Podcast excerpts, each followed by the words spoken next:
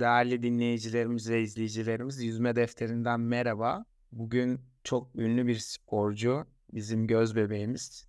E, hoş geldin Sümeyye, nasılsın? Merhabalar Ahmet Can Hocam, iyiyim teşekkürler. Siz nasılsınız? İyiyim, teşekkür ederim davetimizi kırmadığın için. Seni yakından çok takip ediyoruz, çok yoğunsun ve bu süreçte bize de vakit ayırdın. Hayat nasıl geçiyor, neler yapıyorsun? Öncelikle ben davet ettiğiniz için e, kendime çok teşekkür ediyorum. Zaten e, ben sizin podcastlerinizin sıkı bir takipçisiyim. E, çok severek dinliyorum. Arabada işte antrenmana giderken veya yarışlara, kamplara giderken yolculuk esnasında yolculukla ben çok sıkılıyorum. O yüzden e, böyle podcastler dinliyorum. En çok dinlediğim podcastlerden biri de sizin podcastiniz ve çok da faydalanıyorum. Bu yüzden ben davet ettiğiniz için ayrıca teşekkür etmek istiyorum. Ya, hayatta e, yoğun gidiyor. Antrenmanlar, kamplar, yarışlar, müsabakalar derken e, bayağı yoğun geçiyor. Ama güzel gidiyor. Harika. Senin gibi bir sporcunun takip etmesi de bizim için bir onur. En azından böyle yüzmeye gönül vermiş kişilerin de bu platformda buluşması e, hedeflerimizden birisiydi. Bugün onlardan da birisini benim adıma gerçekleştiriyorum. Ben de çok mutluyum. Şimdi öncelikle yüzme sporuna nasıl tanıştın? E, yüzme sporuyla 5 yaşında tanıştım. Annemin teşviki ve bu akvaryumda izlediğim balıklardan aldığım ilhamla aslında başladım. E, ilk başlarda oldukça korkuyordum. E, ama sonrasında yavaş yavaş alıştım. Hatta çok kısa bir sürede öğrendim yüzmeyi. E, bu da bana yüzmeyi öğreten e, Çiğdem hocamın bu, benim bu konuda bir yeteneğim olduğunu e, görmesini sağlamış ve bu spora onunla birlikte devam ettim. Dört yıl boyunca hobi amaçlı olarak sürdürdüm. E, daha sonrasında e, ilkokul arkadaşım Ömer Faruk'un da yönlendirmesiyle daha doğrusu onun vasıtasıyla şu anki antrenörüm Mehmet Hoca'yla tanıştık. E, ve o zamandır işte e, yaklaşık 12-13 senedir Mehmet Hoca'yla ile birlikte çalışıyoruz. Çok uzun bir süre. Ee, hocanla peki evet. nasıl? Bugün sürpriz sorular da soracağım. Eyvah. Bunları hazırlamamıştım. ee, peki uzun bir süreç yani 12 yıl ve gerçekten bir de emekleri de vardır birbirinize. Hocanla peki ilişkin nasıl? Neden bu kadar uzun süre oldu? Zor dönemler yaşadın mı? Birazcık bunlardan bahseder misin? Ya da çok sevinç anı. Eee, bu çok sevinç anında biz genellikle Mehmet Hoca da ben de aşırı mutlu olmamız gereken zamanlarda genelde çok fazla aşırı mutlu olamıyoruz. İkimizin de ortak özelliği o kadar fazla ki zaten bu kadar uzun süredir birlikte çalışıyor olmamızın en temel sebeplerinden birisi de muhtemelen budur. Ee, biz Mehmet Hoca ile çok fazla ortak özelliğimiz var. Ee, isteklerimiz, yüzmeye olan tutkumuz, e, daha doğrusu kazanmaya ve gelişmeye olan tutkumuz aynı yönde. İkimiz de antrenman yapmayı çok seviyoruz. O zorlamayı ben de zorlanmayı çok seviyorum. Onun bende e, emeği çok çok büyük. Yani e, artık 12 senedir bir antrenör sporcu, e, bunun dışında bir abi kardeş, bir baba kız bile olduk ve e, bu yüzden e, aslında benim e, hayatımdaki e, yeri çok çok büyük. Zaten ailemden çok özellikle yoğun kamp dönemi olduğu süreçlerde onu görüyorum. Bu yüzden benim hayatımda çok önemli bir yeri var Mehmet Hoca'nın. Zor zamanlarımız oldu da da zor zamanlarımızda mesela hangimiz daha böyle modu düşükse diğerimiz onu tamamlamaya çalışıyoruz. Mesela Mehmet Hoca ben diyelim ki çok e, istemediğim bir derece yaptım. O zamanlar Mehmet Hoca daha ılımlı davranıyor. E, hani e, bir dahaki sefere toparlarsın gibilerinden e, beni hep motive ediyor. Bazen böyle çok yoğun olduğu zamanlarda böyle yoğun süreçler çok uzun sürdüğünde bazen çok bunalabiliyorum. O zamanlar Mehmet Hoca özellikle antrenmanlarda hani e, Mehmet Hoca o kadar çok tempo veriyor, o kadar çok beni hani ittiriyor, bildiğin hani e, ittiriyor ki hani antrenmanları onun verdiği motivasyonla tamamlıyorum aslında. Bu yüzden zor zamanlarımızı da yine birlikte geçiriyoruz. Çok güzel. Bu uyumu yakaladığınız için de e, çok e, sevindim. Aynı zamanda ona da buradan selamlarımızı iletelim. 5 yaşında başladığını söyledin ve ailenin de desteğiyle şu anda bir e, dünya klasmanında bir sporcusu ve dünya şampiyonusun. Burada özellikle yüzmek sana neleri hissettiriyor? Yani birazcık senin bu noktada takip ettiğim sürece Sadece spor olarak değil bir felsefe olarak da bu işi yapıyorsun. Neler hissettiriyor? Yüzerken ne hissediyorsun? Eee, açıkçası, hani, yüzerken kendimi çok rahatlamış, dingin, özgür hissediyorum gibi, eee, söylemlerde bulunmam biraz zor. Çünkü, eee, hobi amaçlı değil, bir amaç uğruna yapıyoruz bu işi ve antrenmanlarda da çok ağır ve belirli bir disiplinin içinde sürdürüyoruz. Eee, antrenman esnasında, eee, zorluyor fakat antrenmanı bitirdiğim an, o an elimden geleni, eee, yaptığımda, setlerin doğru yerlerinde, doğru dereceleri gösterdiğimde, doğru performansı gösterdiğimde, eee, kendimi dünyanın en huzurlu, en, eee, rahatlamış, en dingin ve en özgür insanı olarak hissediyorum. Böyle en mutlu insanı olarak hissediyorum aslında. Bu his de bana bir aidiyet duygusu yaşatıyor ve, eee, bu aidiyet de bana böyle evimdeymiş, eee, hissini veriyor. Yani gerçekten, eee, artık mesela diyelim ki bir gün tek antrenman, diyelim sabah antrenmanı var sadece. Eee, ondan sonra akşam antrenman yok. Ertesi gün de, eee, sabah diyelim ki kara yaptım. Akşama akşam su antrenmanı var. O zaman aralığı benim için, hani, bir günden sayılmıyor.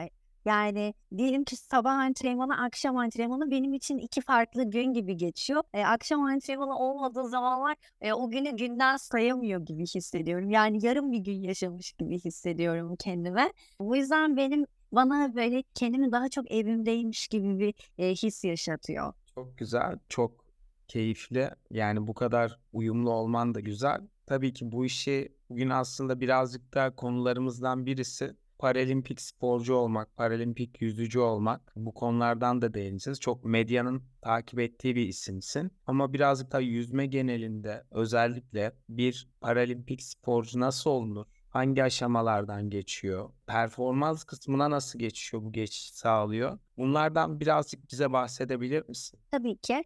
E, ben dediğim gibi 5 yaşındayken başlamıştım. Ben tedavi ya da, hani, herhangi bir farklı amaçla değil, hobi amacıyla başlatmıştı beni annemler ve, eee, o esnada da bir yeteneğim olduğunu fark edince, eee, antrenörüm, eee, Çiğdem Hoca haftada 2 gün antrenmanlara devam ettim. 4 sene boyunca hobi amaçlı olarak sürdürdüm. Daha sonra benim aynı okula gittiğimiz 1. sınıfta 1. sınıftayken aynı okula gidiyorduk Ömer Faruk'la.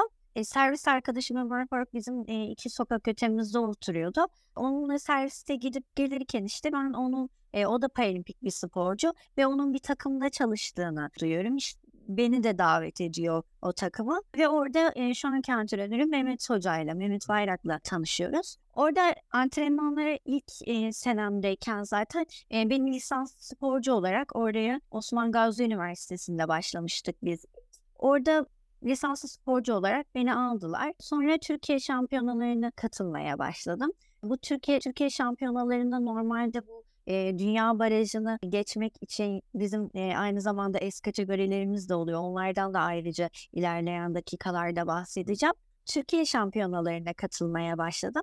Eee, Türkiye şampiyonalarında normalde dünya barajını geçmek için çok uzun süre çalışıyor pek çok sporcu. Ama ben ilk ya da katıldığım 2. dü Türkiye şampiyonasında dünya barajını geçtim ve açık yaş dünya barajıydı. Henüz 11 yaşındaydım bu barajı geçtiğimde. Ben o zamanlar ilk geçtiğim zaman bunun ne kadar önemli ve ciddi bir bir durum olduğunun farkında değildim. Takım arkadaşlarım çok mutlu oldular, antrenörüm aynı şekilde çok mutlu mutluydu ama ben, eee, henüz farkında değildim, eee, ne olduğunun. Çünkü ben sadece, eee, yüzmeyi seviyor olduğum için yapıyordum. Sonra millî takım benim bu kadar erken yaşta dünya barajını geçmiş olmam millî takım yetkililerinin dikkatini çekiyor ve beni millî takım kamplarına davet ediyorlar. Orada yeteneğim dışında antrenman disiplini, performans, ondan sonra takıma uyum gibi durumları da gözlemliyorlar ve ertesi sene beni katılabileceğim en, eee, 13 yaşındayken Almanya Berlin Dünya Serisi'nde yarışa katılıyorum. Orada millî sporcu oluyorum. 2 gümüş, 2 bronz madalyayla. Tabii, eee, kendi yaş kategorimde alıyorum bunları yoksa,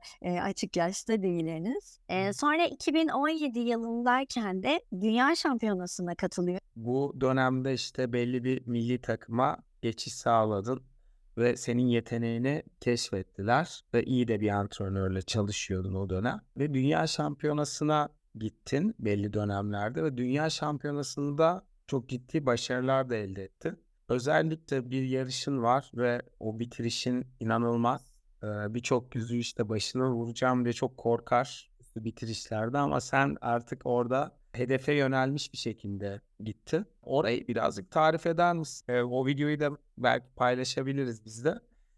Gerçekten yani tüyler diken diken oluyor orada her izledikçe. Neler hissettin? Dünya şampiyonu olduğumda, eee 50 sırt mıydı bu arada? Aaa, 50 metre sırttı. Ben 2017 senesindeyken katıldığım dünya şampiyonasında 4'üncü olmuştum.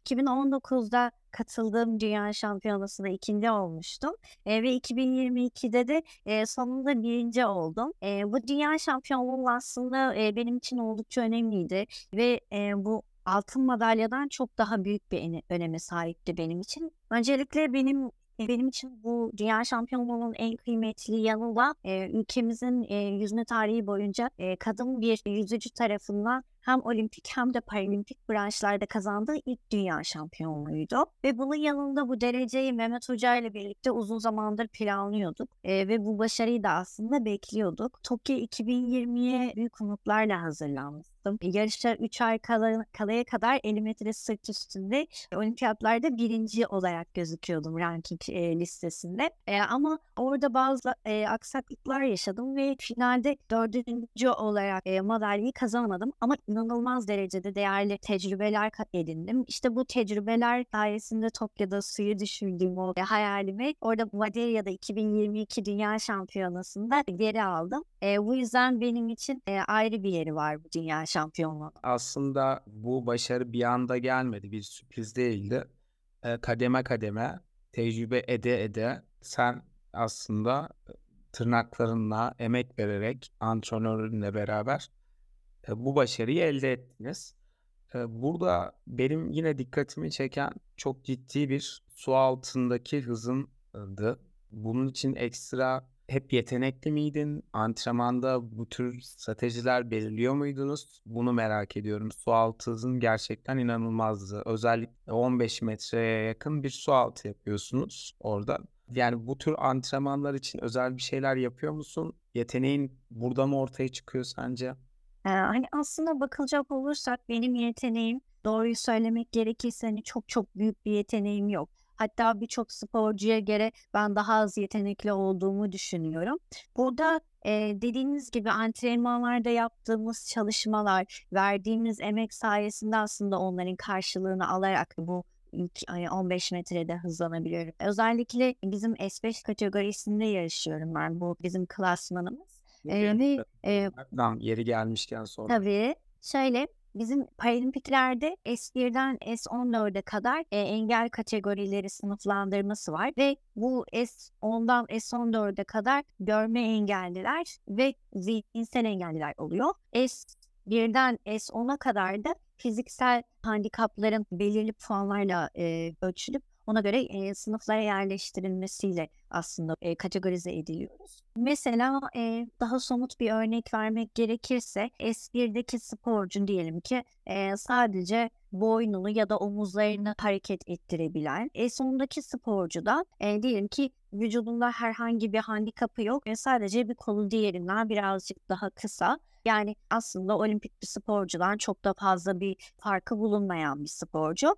Benimkisi ben S5 kategorisinde yarışıyorum. Orta segment diyebiliriz. Ben de genelde böyle araba gibi şey yapıyorum, isimlendiriyorum. Orta segment diyorum ve orta segmentteyken aslında rekabetin en yoğun olduğu klas bu burası. Çünkü, eee, iki iki ekstremiteyi de kullanamayan sporcular genellikle, eee, bu sınıfa yerleştiriliyor. Eee, yani şöyle, eee, diyelim ki üst ekstremitede, eee, ikisini de kullanamıyorsa veya bu eksikse, eee, S5 kategorisine giriyor ya da, eee, 2 bacağını, eee, kullanamıyorsa, eee, veya eksikse yine aynı şekilde bu kategoriye yerleştiriliyor. Eee, bu tarz durumlarda aslında, eee, bazen, eee, tekerlekli sandalyede, hani, bacağında işlevi olup ama aynı zamanda tekerlekli sandalye kullandığını, hani, iddia eden sporcuların da çok olduğu bir kategori aslında bu. Yani, eee, bazı haksızlıklarla da yine, eee, burada mücadele ediyoruz. Eee, ama bununla birlikte bu da artık benim, hani, işimin bir parçası olduğu için artık bu bu duruma da adapte olduğum için aslında onlarla bu tarz durumlarla da başa çıkmak için yine ekstra ekstra ekstra antrenman yapmaya çalışıyorum. Yani e, bu bağlamda yeteneğimle değil aslında harcadığım emekle bir yerlere gelmeye gayret ediyorum. Yani şöyle bizim önceki podcast yayınlarımızda da olimpik kadroda birçok antrenör hani e, söylediği şeyler aslında e, yetenekten ziyade bu iş birazcık daha çalışmayla, çalışma disipliniyle şekilleniyor. Ne kadar yetenekli olursanız olun, e, çalışmazsanız zaten hiçbir yere varamıyorsunuz. Ben senin söylediğin şey şimdi benim birazcık daha kategoriler kafama oturdu. Çünkü yarışını izlediğimde de gerçekten zor bir yanındaki kişiler birazcık daha senin aslında dezavantajına kişilerdi. Ama yani gerçekten güzel bir şekilde üstesinden gelmişsin. Yani işte bu tarz durumların aslında çok çok pardon sözünüzü kestim. Estağfurullah. Bu tarz durumların aslında üstesinden gelirken kendi avantajlı olduğumuz durumlardan mesela yararlanmaya çalışıyoruz daha çok. Ee, yani mesela benim e, su altım e, su altında daha iyi performans gösterebildiğim için e, su altını olabildiğince uzun tutmaya çalışıyorum. Orada daha hızlı davranmaya gayret ediyorum. O şekilde aradaki fark e, kapatabiliyorum. Hepimizin güçlü olduğu yönler var, zayıf olduğu yönler var. Ama o güçlü yere kendimizi e, verirsek ve buna yönelik çalışırsak aslında bu bizi başarıya götürüyor. Burada senin su altı hızın gerçekten iyiyse ve buna yönelik çalışıyorsan, bunun için emek harcıyorsan tabii ki bunun da sonucunu e, alabiliyorsun. Burada antrenörün de gözlemi çok önemli. Spor yaparken aynı zamanda birçok ülkeye de gidiyorsun, görüyorsun, oranın kültürünü de tanıyorsun. Hatta şu anda Koç Üniversitesi'nde okuyorsun, uluslararası ilişkiler bölümü okuyorsun. Nasıl gidiyor eğitim durumun? Bunu da çok merak ediyorum. Ee, ve daha sonrasında ikinci sorum olarak da gittiğin ülkelerden herhangi bir işte orayı tarif edebilir misin? Mutlu olduğun, en mutlu olduğun yerler, en keyif aldığın yerler nerelerdir? Onları soracağım. Öncelikle okul hayatını sormak istiyorum. Tabii ki şu anda ben okulu online sürdürüyorum. Şu an, eee, yabancı dil hazırlık, eee, kısmındayım. Eee, henüz, eee, bölüme başlangıç yapmadım. Online olarak sürdürüyorum derslerimi. Üniversitemiz her zaman ki oraya gittiğimde, tanışmaya gittiğim zaman da bana çok destek vermişlerdi ve çok sahip çıkmışlardı. Normalde hazırlık bölümünü, hani, bu pandemi dışında çok, hani, olağanüstü durumlar dışında online okunmasına izin verilmiyormuş ama bu 2024 Paris Olimpiyatlarına hazırlandığımdan bahsettim ve tempomu birazcık anlattım onlara. Onlar da sağ olsunlar spora çok destek verdikleri için ve gönül de verdikleri için aslında hem 2024 Paris Olimpiyatlarına gel benimle birlikte gelmeyi hayal ettiklerini söylediler hem de bu okul sürecinde de aslında her türlü desteği sunmaya hazır olduklarını söylediler. Bu yüzden üniversitem konusunda da çok şanslıyım. Hangi bölümü okuyorsun peki demiştik. Uluslararası ilişkiler. Peki e, bunu mu istiyordun onu sorayım. Ha, evet. E, şöyle ki ben aslında e, 10 yaşından beri psikolog olmak istiyorum. Daha doğrusu psikoloji okumak istiyorum. Psiko, e, psikolojinin içerisinde yıldan yıla değişen alanları oldu. E, ilk başta klinik psikolog olmak istiyordum. Daha sonrasında adli psikoloji, ardından kendim daha e, profesyonel spora yönlendikçe spor psikolojisine ilgi duymaya başladım. Ve ardından 2020 e, yılında da pandemi döneminde birazcık eve kapandığımızda spor psikolojisinin daha bilişsel tarafına meyletmeye başladım ve bilişsel psikolojiye gerçekten çok büyük bir ilgi duyduğumu fark ettim. Ve bilişsel psikolojiyle e, ilgilenmeyi hayal ediyordum ben aslında. E, ama tercihlerimi yapmadan önce Koç Üniversitesi ile görüşmüştük. E, oradan e, Zeynep Hocam sağ olsun çok ilgilendi. E, Zeynep Gürancanlı. Oradaki e, rektör vekilimiz Zeynep Hoca ile birlikte biz e, tercihleri yaptık. E, o demişti ki senin sadece psikoloji değil, senin psikolojiyle birlikte e, ya ekonomi ya da e, uluslararası ilişkiler bu tarz bir bölüm daha okumanı ben çok istiyorum. Onunla birlikte okuyacaksan hani psikoloji okursun diye söylemişti. Onunla birlikte yapmıştık tercihleri. Aslında ben psikolojiyi e, çok fazla istiyordum. E, ama sonra birden sonuçlar bir açıklandı. Baktım uluslararası ilişkiler. Zaten o e, şeyi söylemişti. E, uluslararası ilişkilerin birinci sınıfına başladığın zaman biz sana aynı zamanda psikoloji derslerini de aldırırız. Sen hiç merak etme hani ikisinden de gerek kalmazsın. İkinci sınıfta da e, çap yapmaya başlatırız seni. Hani e, bununla birlikte e, ikisini birlikte çok rahat bir şekilde e, yürütebileceğin sistem oluşturacağız sana diye e, hani tercihleri de yapmadan önce bunları anlatmıştı. O yüzden e, şu anda eğitim hayatım güzel gidiyor. Çok güzel, çok sevindim senin adına. Hedeflerine bir bir ulaşıyorsun. Ee, bu noktada da peki hani yüzme dışında ben şöyle bir şey hissettim. Çok kitap okuduğunu düşündüm bir anda. Böyle bir şey aklıma geldi. Kitap okuyor musun? Yani elimden geldiği kadar yani ge- gece yatmadan önceleri okuyorum mutlaka. Ha, süper, harikasın. Yani aslında birazcık da yüzme dışında da insanlar senin yüzücü arkadaşlarımız yaşam tarzını da merak ediyorlar. Ee, bu noktada mesela özellikle son dönemde işte bir rol model olarak e, Barbie'nin e, modeli oldun ve bunun mesela hayatında neleri değiştirdi, sana neler hissettirdi? E, bunları paylaşmak ister misin? Tabii ki. Barbie ile bizim e, aslında hedefimiz kendi potansiyelinin farkına varamamış henüz varmayan çocuklarını harekete geçirmekti e, ve onların hayallerini gerçekleştirmesinde bir patlayıcı güç yaratabilmekte. E, ve biz 2020 senesinde bunu çok güzel bir şekilde başardık. E, yaklaşık 6 ülkeden Barbie bebek e, seçildi. E, ve 2020 Tokyo Olimpiyatları olduğu için bunların neredeyse hepsi sporcuydu. E, ve Türkiye en çok etkileşimi, en çok geri dönüşü alan ülke oldu. E, müşteriyle, tüketiciyle en çok bağı kuran ülke Türkiye oldu. E, ve bu yüzden de 2021 senesinde de Barbie bu şekilde e, bir teklifle geldi. E, ve yine gönüllü olarak ben bu projeyi sürdürdüm.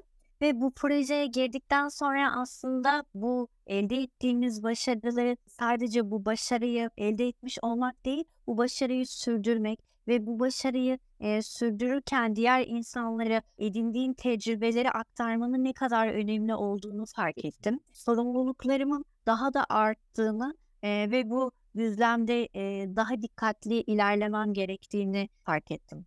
Biz de gurur duyduk burada bu noktada ve senin bu bakış açın hani bu düşünce yapında gerçekten çok saygı duyulacak bir şey. Bu noktada peki yeni son dönem yine çok akılda kalıcı, çok e, etkileyici bir e, reklam çalışması vardı Allianz'ın e, ve çok güzel bir çalışmaydı. Bir havuzda başlıyordu. O da çok etkileyiciydi. Onlarda neler yaşadın, neler hissettin? Sürpriz soru geldi. Aa, şöyle çekim esnasında mı yoksa çekimden sonra mı kurguda mı e, hani hangi e, sürecin hangi kısmındayken En son bu ben hangisi de bittikten sonra ve izledikten sonra neler hissettin? Bittikten sonra ve izledikten sonra gerçekten böyle tüylerim diken diken oldu. Gerçekten bu kadar güzel bir e, film hani beklemiyordum. Gerçi, gerçi çok uzun sürmüştü çekimlerimiz. E, o yüzden güzel bir şey çıkacağını bekliyordum. E, ama hani bu kadar güzel bir şey gerçekten beklemiyordum. Çok hoşuma gitti. Ve normalde ben mesela televizyonda kendimi gördüğüm zaman ya da işte bir yerde ses kendi sesimi duyduğumda veya görüntümü gördüğümde böyle direkt geçiyorum ka- kanalı falan hemen kapatıyorum. E, ama bu reklam filmi o kadar hoşuma gitti ki e, her e, şey yaptığımda denk geldiğimde normalde reklamları falan da e, atlıyorum. Çok fazla televizyon falan da izlemiyorum. E, ama e, böyle denk geldiği zamanlarda reklamları falan da hep atlıyordum. Bu reklam ama denk geldiği zaman hep böyle e, reklam başında oturuyorum. E, hani bakalım bir reklam çıkacak. Normalde hiç e, böyle gördüğüm zaman direkt kapatıyorum kendi görüntümü.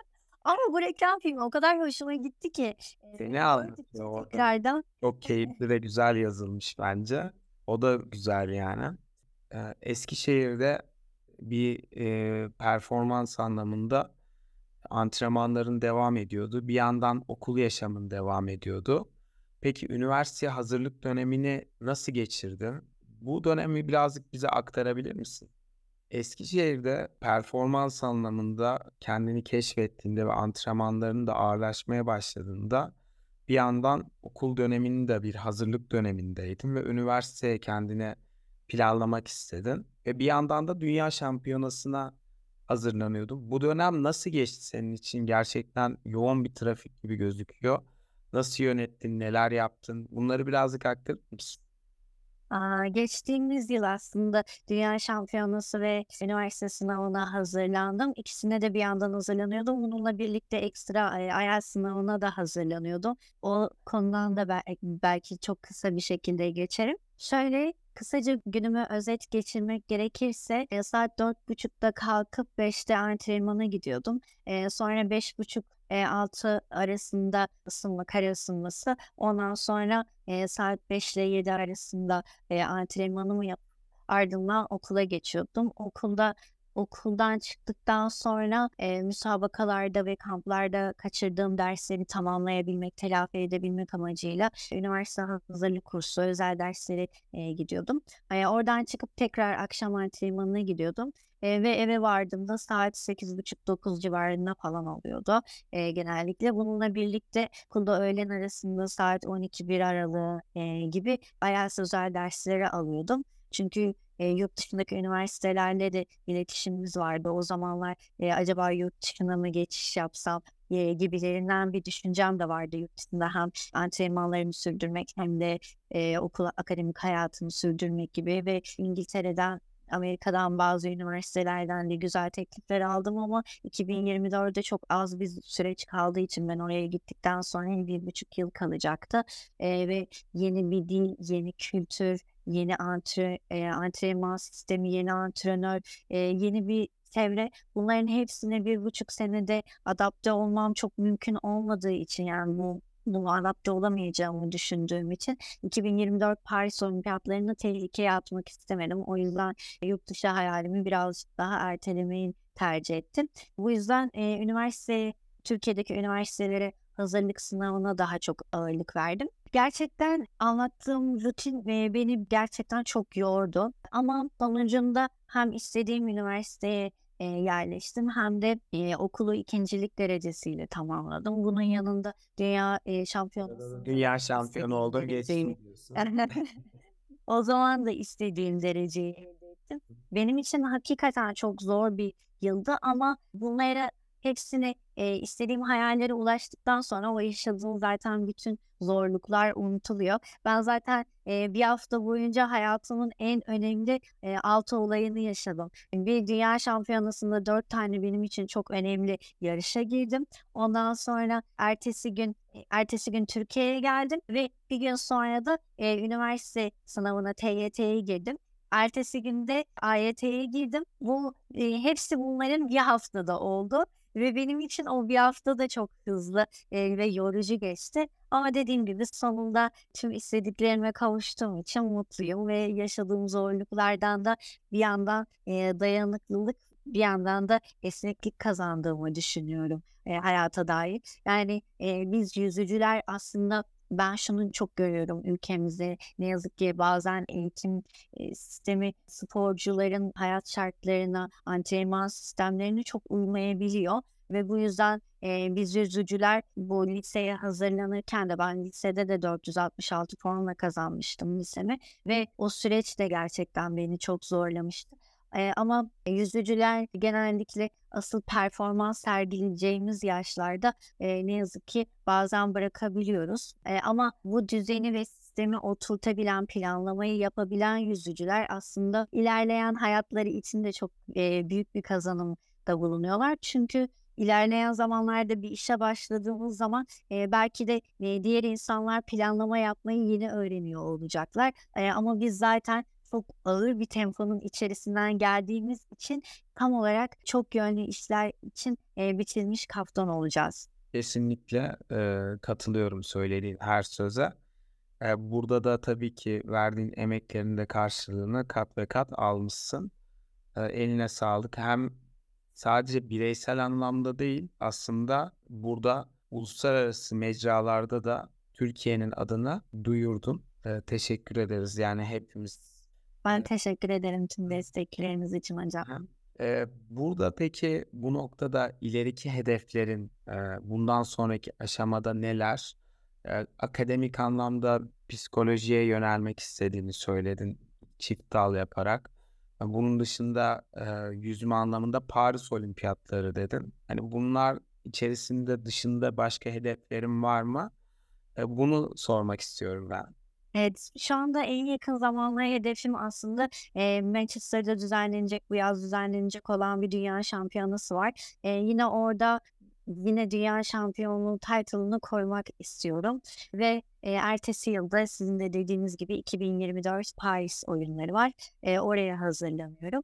Eee, onun ardından birazcık daha akademiye ağırlık vermek, eee, istiyorum. Uluslararası ilişkiler okuyorum. Onunla birlikte psikolojiyle, eee, çap yapmayı hedefliyorum. Eee, ve ardından da International Paralympic Komite'de öncelikle spor psikoloğu olarak görev yapmak, eee, ve orada ülkemizi temsil etmek. Daha sonrasında da aslında birazcık, eee, masa biraz da masada bulunup, eee, orada, eee, haksızlığa uğrayan sporcuları temsil etmek ve bizim şu anda yaşadığımız zorlukları onların yaşamasını önlemek için bazı çalışmalar yapmayı hedefliyorum. Bunun yanında, eee, daha da ilerleyen hedeflerimde de şunlar var.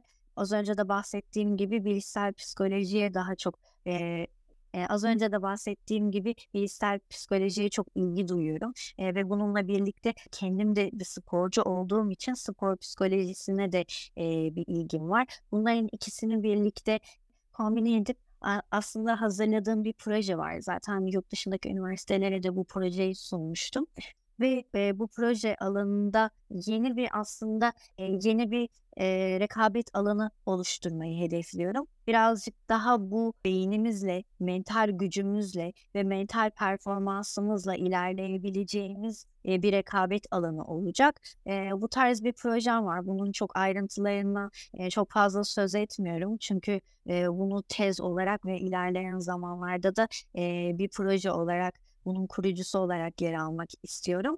Önümdeki hedefler bu şekilde. Harikasın. Eee, çok teşekkür ederim katıldığın için yayına. Bu hedefleri de, eee, bu azim ve, eee, istekle zaten üstesinden geleceğine eminim ve birçok kişi de seni destekliyor. Ve buradan da, hani, sen birçok, eee, işte, Barbie'nin tanıtım bir rol modelisin.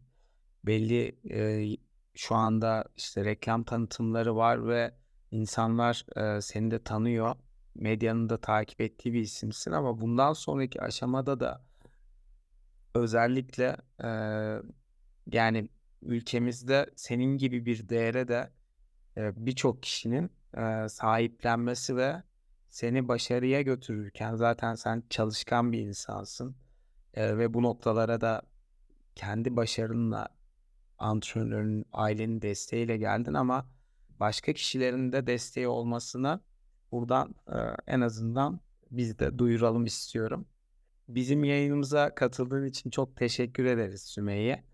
Eee, ve gerçekten çok başarılı bir sporcusun. Hepimiz de seni takip edeceğiz. Umarım, eee, bundan sonraki aşamalarda da güzel yerlere gelirsin. Son olarak bizi dinleyen kişilere ne demek istersin? Bir kapanış konuşması alalım senden istersen. Tabii ki. Eee, öncelikle beni, eee, bu podcast'e davet ettiğiniz için tekrardan çok teşekkür ederim Ahmetcan Hocam. Benim için çok keyifli bir, eee, sohbetti. Eee, beni burada dinleyenlere aslında, eee, son olarak söylemek istediğim şey şu: Hayatın pek çok alanında bir şeyler, eee, elde etmeye çalışan bir sporcu olarak ben şunu söyleyebilirim ki ben mesela, eee, Koç Üniversitesi'ne, eee, hazırlanırken ya da sadece bunu Koç Üniversitesi olarak görmeyelim, direkt olarak akademik anlamda da bir hedefim olduğu zaman aslında bana "İkisini birlikte yürütemezsin." diyen çok fazla kişi olmuştu.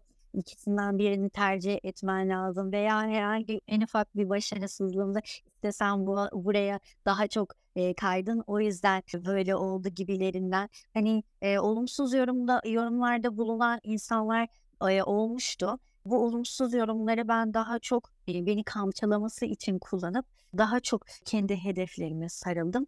Eee, ben, eee, hani, beni dinleyen insanlara, eee, bunu söyleyebilirim.